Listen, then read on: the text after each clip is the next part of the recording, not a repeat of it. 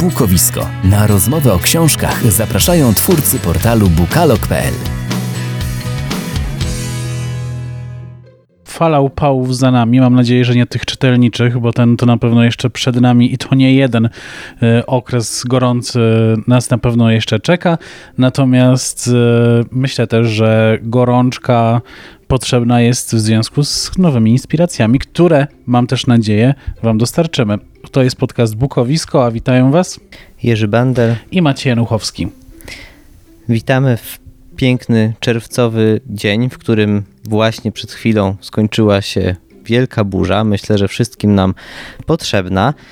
A dzisiaj e, przed nami, tak jak wspomniałeś, dużo książek, dużo wiadomości. Zapowiemy coś ciekawego, co ukaże się na rynku w najbliższych dniach. Jeżeli jesteście zainteresowani, to zapraszamy do słuchania. Zaczynamy dziś od informacji dla fanów ekranizacji i fantastyki. Potwierdzono, że trwają prace nad sfilmowaniem dwóch bardzo dobrych serii fantazy, z których w Polsce obie wydane były przez wydawnictwo SQN. Pierwsza z nich to bestsellerowa seria Czas Żniw Samanty Shannon, która pojawi się na małym ekranie w formie 8-godzinnego serialu. Druga natomiast to trylogia Pęknięta Ziemia N.K. Jemisin, z czego ja cieszę się nawet bardziej, bo to jedna z moich ulubionych serii fantazy. Pęknięta Ziemia ma ukazać się w formie pełnometrażowej produkcji, a nad scenariuszem będzie czuwać sama autorka. W przypadku obu produkcji informacje są bardzo świeże i nie znamy żadnych szczegółów, ale mamy nadzieję, że zostaną ujawnione niebawem. Na którą ekranizację czekacie bardziej? Dajcie znać. Pozostajemy jeszcze przez chwilę w tematach fantazy. 9 i 10 lipca będzie odbywał się pierwszy WitcherCon, czyli impreza poświęcona Wiedźminowi. To efekt współpracy Netflixa, twórcy serialu na podstawie prozy Sapkowskiego i CD Projekt Red, czyli twórcy serii gier z tego uniwersum. Cała impreza będzie transmitowana na żywo na kanale YouTube w czasie dwóch streamów, które rozpoczną się 9 lipca o godzinie 19 i 10 lipca o 3. Organizatorzy przygotowali ciekawostki i materiały z zakulis przygotowywania zarówno serialu, jak i gier, panele dyskusyjne z twórcami i widzami oraz opowieści o świecie Wiedźmina stworzonym przez Sapkowskiego.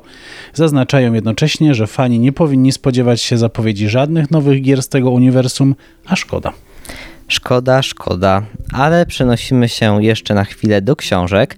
Czerwiec i wakacyjne miesiące to czas przyznawania wielu literackich nagród. Poznaliśmy również zwycięzców 14 Nagrody Literackiej Miasta Stołecznego Warszawy.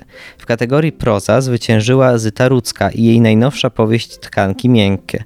Radosław Jurczak to laureat w kategorii poezja, a za książkę Którędy do Yellowstone w kategorii literatura dziecięca nagrodę odebrało małżeństwo Aleksandra i Daniel Mizielińscy. W końcu przyznano też nagrodę w kategorii książka o tematyce warszawskiej, którą otrzymał oczywiście Grzegorz Piątek za reportaż Najlepsze miasto świata. Mówię oczywiście, bo książka robi ostatnio furorę, nie tylko wśród warszawiaków. Do dzisiejszego odcinka podcastu przygotowałem dla Was dwie propozycje i są to książki dla tych, którzy uwielbiają historie związane z żeglarstwem i jednocześnie też e, są zapisami prawdziwych wydarzeń, czyli mówimy o literaturze faktu. Wyścig szaleńców Petera Nicholsa ukazał się nakładem wydawnictwa Nautica. W 1968 roku dziewięciu żeglarzy wyruszyło w najbardziej szalony wyścig. Mieli okrążyć kulę ziemską w pojedynkę bez zatrzymywania się w portach w czasach, w których nie istniały jeszcze telefony komórkowe i łączność satelitarna. E, to był pierwszy taki wyczyn w historii żeglarstwa. Zawodom Golden Globe Race patronował brytyjski dziennik Sunday Times, który na bieżąco opisywał zmagania zawodników. Po 10 miesiącach tylko jeden z nich przekroczył linię mety, zdobywając sławę i bogactwo. Dla innych nagrodą było szaleństwo, porażka, a nawet śmierć. Książka opowiada o ludziach kierowanych własnymi marzeniami i ich demonach, o przerażających sztormach na Oceanie Południowym oraz o tych porywających momentach, w których podejmowana w ułamku sekundy decyzja oznaczała życie lub śmierć jest duża szansa na to, że będziecie wręcz żyć tą historią, która się wydarzyła, zmaganiami żeglarzy, które zostały w niej opisane. Tu należą się ukłony nie tylko dla pisarza, ale i dla tłumacza, który moim zdaniem świetnie oddał to, co autor chciał przekazać czytelnikom. Książkę czyta się niczym dobrą powieść, trzymającą nas przez długi czas w napięciu, prezentuje nam nie tylko zmagania z siłami natury, silnymi sztormami, ale przede wszystkim z samym sobą, samotnością, swoimi słabościami i lękami. Jest też pokazem wielkiej determinacji i poświęcenia. Moim zdaniem po lekturę mogą sięgnąć zarówno ci, którzy są wytrawnymi żeglarzami, jak i amatorami, czy też nie mają o żeglarstwie bladego pojęcia. Każdy znajdzie w niej coś dla siebie i choć finał tej historii jest nam znany, a jeżeli nie, to możemy przeczytać w opisie na okładce, to nie ujmuje przyjemności z lektury. Drugą książką związaną z żeglarstwem jest Długa droga samotnie między morzem i niebem Bernarda Mortesiera. Jest to ta sama historia, o której opowiadała książka Wyścig Szaleńców, jednak w tym przypadku mamy do czynienia z pamiętnikiem z tej wyprawy. Autor był bowiem jednym z tych, którzy brali udział w wyścigu Golden Globe Race w 1968 roku. Bernard Moitessier, który przez większość czasu ma szansę na zwycięstwo, po minięciu przylądka Horn postanawia nie kończyć regat. Zamiast tego rozpoczyna kolejne okrążenie globu, które kończy 21 czerwca 1969 roku na Tahiti. Długa droga to pamiętnikarski opis tej najdłuższej samotnej podróży bez dobijania do lądu, zapis zmagań z żywiołami, obcowania z przyrodą, morzem, latającymi rybami, pomocnymi delfinami, zmagań z jachtem, codziennością, samotnością, ale też i dolegliwościami ciała. Zachwyt nad światem, zachłyśnięcie się wolnością. Jest to światowa klasyka literatury żeglarskiej i marynistycznej. Osoby, które nie mają do czynienia z żeglarstwem, mogą mieć mały problem z lekturą, gdyż w książce mamy trochę technicznych aspektów podróży i dla laika może to być trudne do zrozumienia. Natomiast język, którym operuje autor, sprawia, że mamy poczucie wręcz fizycznego towarzyszenia mu podczas wyprawy. To ciekawe, że tę samą historię możemy tu poznać z dwóch perspektyw, czyli z perspektywy uczestnika od wewnątrz i e, tak jakby od zewnątrz, z perspektywy relacji obserwatora. E, jak myślisz, która jest ciekawsza i bardziej atrakcyjna? Ciężko jest to powiedzieć, bo zależy co kto szuka. Jeżeli mm, ktoś szuka opisu z pierwszej ręki, no to powinien wybrać długą drogę e, Moitessiera, bo jest to opowieść kogoś, kto, kto przeżył te wszystkie historie, natomiast jest ona ograniczona tylko do jednej osoby. W przypadku wyścigu szaleńców mamy tam historię wszystkich dziewięciu śmiałków, więc jest to pełniejszy obraz i na pewno bardziej kolorowy. I też nie ma tylu technicznych informacji, co, co w długiej drodze. A tutaj jest ich na tyle dużo, że to utrudnia lekturę? Znaczy nie utrudnia, tylko można w pewnym momencie nie wiedzieć, o czym się mówi, bo są nazwy typowo związane z, z żeglarskim żargonem. Więc jeżeli komuś nie sprawi problemu między wersami szukanie znaczenia danego wyrazu, no to nie będzie to jakiś wielki problem. Ale jeżeli ktoś nie ma pod ręką laptopa, telefonu albo nie chce się rozpraszać, no to może mieć problem.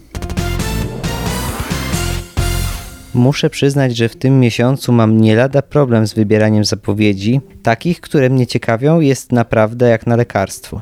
Dziś zatem kolejna książka z serii dzieł pisarzy skandynawskich, bo wiem, że lubicie ją tak jak ja. Tym razem klasyk Knut Hamsun i jego szarady w odświeżonej, pięknej wersji okładkowej. Książka opowiada o mężczyźnie, który przyjeżdża do małego norweskiego miasteczka, budząc kontrowersje swoim nietypowym zachowaniem. Książka w Polsce ukazuje się ponownie po 90 latach w nowym tłumaczeniu ale uznawana jest za jedną z lepszych książek noblisty.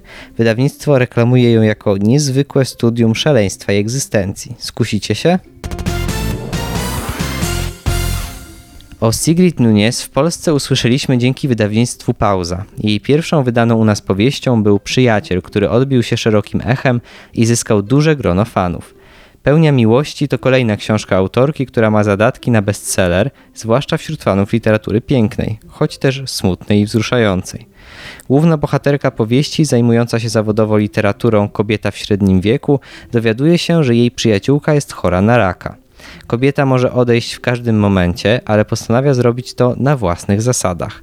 Prosi, żeby znajoma towarzyszyła jej w ostatnich chwilach, a ta, mimo wątpliwości, zgadza się. Obserwuje, jak kobieta coraz bardziej słabnie i walczy, przede wszystkim sama ze sobą. Ta walka dla bohaterki i dla nas, czytelników, staje się podstawą refleksji i rozmyślań o odchodzeniu, pożegnaniach, o tym, czy wobec śmierci rzeczywiście jesteśmy tak bezsilni, jak się wydaje. Sigrid Nunes nas nie oszczędza i wytacza w powieści działa o dużym kalibrze. Uderza w lęki, które nosimy wszyscy. Strach przed śmiercią, szczególnie śmiercią w samotności. Wnosi również tematy bardzo konkretne. Czy dopuszczalna jest eutanazja? Czy mamy prawo decydować o swoim odejściu? A jeśli tak, to czy możemy angażować w to innych? Bardzo ciekawy jest też wątek kryzysu klimatycznego. Były partner głównej bohaterki podróżuje bowiem po kraju z cyklem wykładów poświęconych katastrofie klimatycznej i powieść zaczyna się właśnie od takiego mocnego uderzenia. Musimy zmierzyć się ze świadomością, że z Ziemią jest coraz gorzej i to za naszą sprawą. Nunes robi coś, co na pierwszy rzut oka może się wydawać szokujące, ale jeśli dłużej się nad tym zastanowić, jest dylematem obecnym we współczesnym świecie. Konfrontuje śmierć jednego człowieka z zagładą planety. Przeżywamy chorobę i rozpacz kobiety ze świadomością, że ludzi na świecie jest zbyt wielu i że tak naprawdę im jest nas mniej, tym większe ma ona szanse przetrwania. Przyznaję, że stylistycznie i językowo książka nie porwała mnie szczególnie, chociaż czytało się dobrze, momentami miałem wrażenie nieco ciężkiego, trochę przytłaczającego stylu, to jednak jedynie subiektywne odczucie, w którym na pewno nie każdy czytelnik się odnajdzie. Jeśli jednak chodzi o tematykę, jestem naprawdę pod wrażeniem odwagi podjęcia tak trudnego tematu i to w sposób, jak mówiłem przed chwilą, w niektórych z pewnością budzący jakiś rodzaj buntu. Sigrid Nunes prowadzi historię tak, żebyśmy mogli się w niej odnaleźć. Przytacza pozornie nieistotne, ale jednak ważne sytuacje z codziennego życia, rozmowy, które okazały się znaczące dla bohaterki, osoby, które zapadły jej w pamięć. To z pewnością proza przesycona emocjami, ciekawa, niesztampowa, warto się z nią zmierzyć samemu. A ja już szykuję się do lektury Przyjaciela, którego nie miałem jeszcze okazji przeczytać, ale z pewnością to zrobię. Tak naprawdę to, o czym jest ta książka? O tej przyjaciółce chorej na raka i jej odchodzeniu, czy o stanie planety? Zdecydowanie bardziej o, o chorej przyjaciółce i o jej odchodzeniu, e, ale gdzieś e, różne rozmowy, na przykład z tą kobietą, przypominają głównej bohaterce inne sytuacje, na przykład byłego partnera, o którym myśli i przywołuje jego wykład, e, albo o innych rozmowach, które toczyła z różnymi ludźmi. Po prostu opowiada historię ze swojej przeszłości, ze znajomości z tą kobietą, jak, jak to wyglądało kiedyś, jak przyjaźniły się i były ze sobą bardzo blisko jak spędzały czas e, i poznajemy różne takie drobne sytuacje z jej życia, gdzieś pomiędzy wierszami, pomiędzy scenami. To wszystko, co przygotowaliśmy dla Was na dzisiaj mamy nadzieję, że znaleźliście tutaj wśród naszych propozycji coś ciekawego dla siebie. Było różnorodnie i literatura. I tym razem zupełnie inaczej niż do tej pory to przedstawialiśmy. Nie było jeszcze u nas ani marynistyki, ani takiego odchodzenia związanego z rakiem i połączonego z ekologią. To prawda. Jakieś takie dziwne połączenie nam wyszło, nie konsultowaliśmy tego zupełnie, ale przynajmniej jest różnorodnie i co tydzień oferujemy Wam zupełnie różne książki. Monotonnie na pewno u nas nie jest. Zatem, jeżeli chcecie się przekonać, jak będzie w przyszłym tygodniu, to już teraz zapraszamy. Maciej Januchowski i Jerzy Bander. Do usłyszenia za tydzień. Cześć. Podcast Bukowisko znajdziesz na YouTubie, Spotify, Google Podcast i Apple Podcast.